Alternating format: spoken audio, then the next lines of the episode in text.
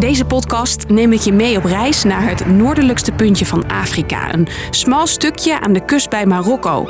Het Spaanse Ceuta. Ceuta. Ceuta. In Ceuta. Ceuta. Deze week zwommen er in één dag meer dan 8000 migranten langs de Marokkaanse kust daarheen. Duizenden migranten zijn al zwemmend de Spaanse enclave Ceuta bij Marokko binnengekomen. Spain has sent troops to its border with Morocco after a sudden influx of migrants created chaos. Maar waarom is dat nou hun bestemming? En waarom zwemmen ze met duizenden tegelijk juist nu die kant op?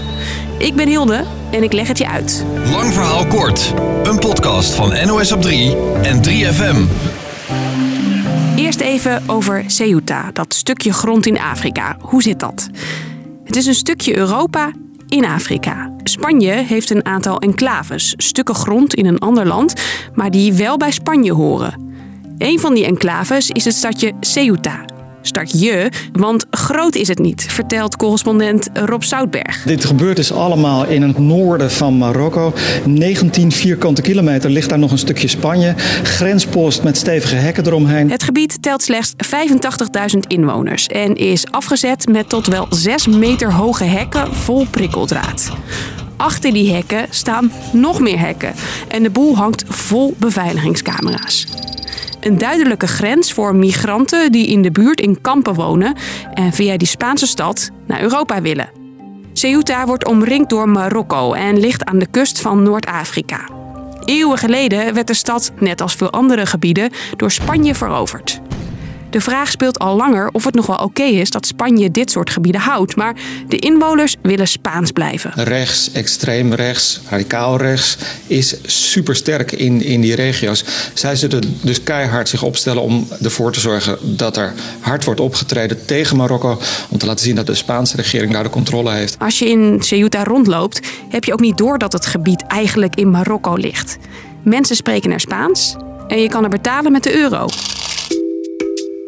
Migranten, vooral uit Marokko, proberen nu dus naar dat kleine stukje Spanje te vluchten, zodat ze hier in Europa asiel kunnen aanvragen. Dat is niet nieuw.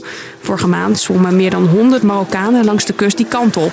Nu zijn het er ineens duizenden in één keer. Ook deze jongen.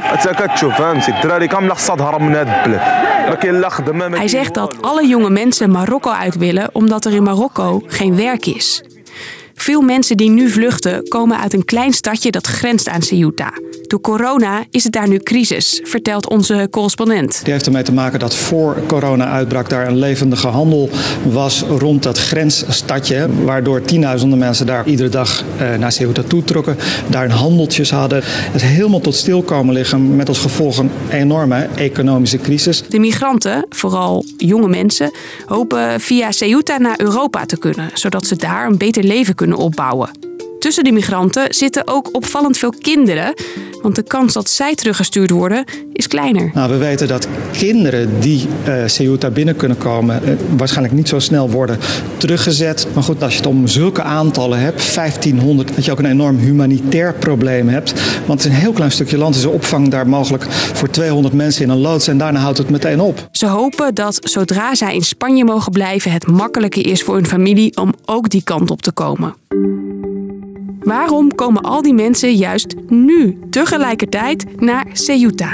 Nou, dat heeft te maken met een ruzie tussen Marokko en Spanje. Dat zou de achtergrond zijn van het feit ja, dat mensen nu gewoon maar mogen doorlopen, doorzwemmen in de richting van het stukje Spanje. De grens wordt dus amper bewaakt. Het zit zo. Marokko heeft ruzie met een onafhankelijkheidsgroep over een stuk land onder Marokko. De leider van de groep werd laatst opgenomen in een Spaans ziekenhuis.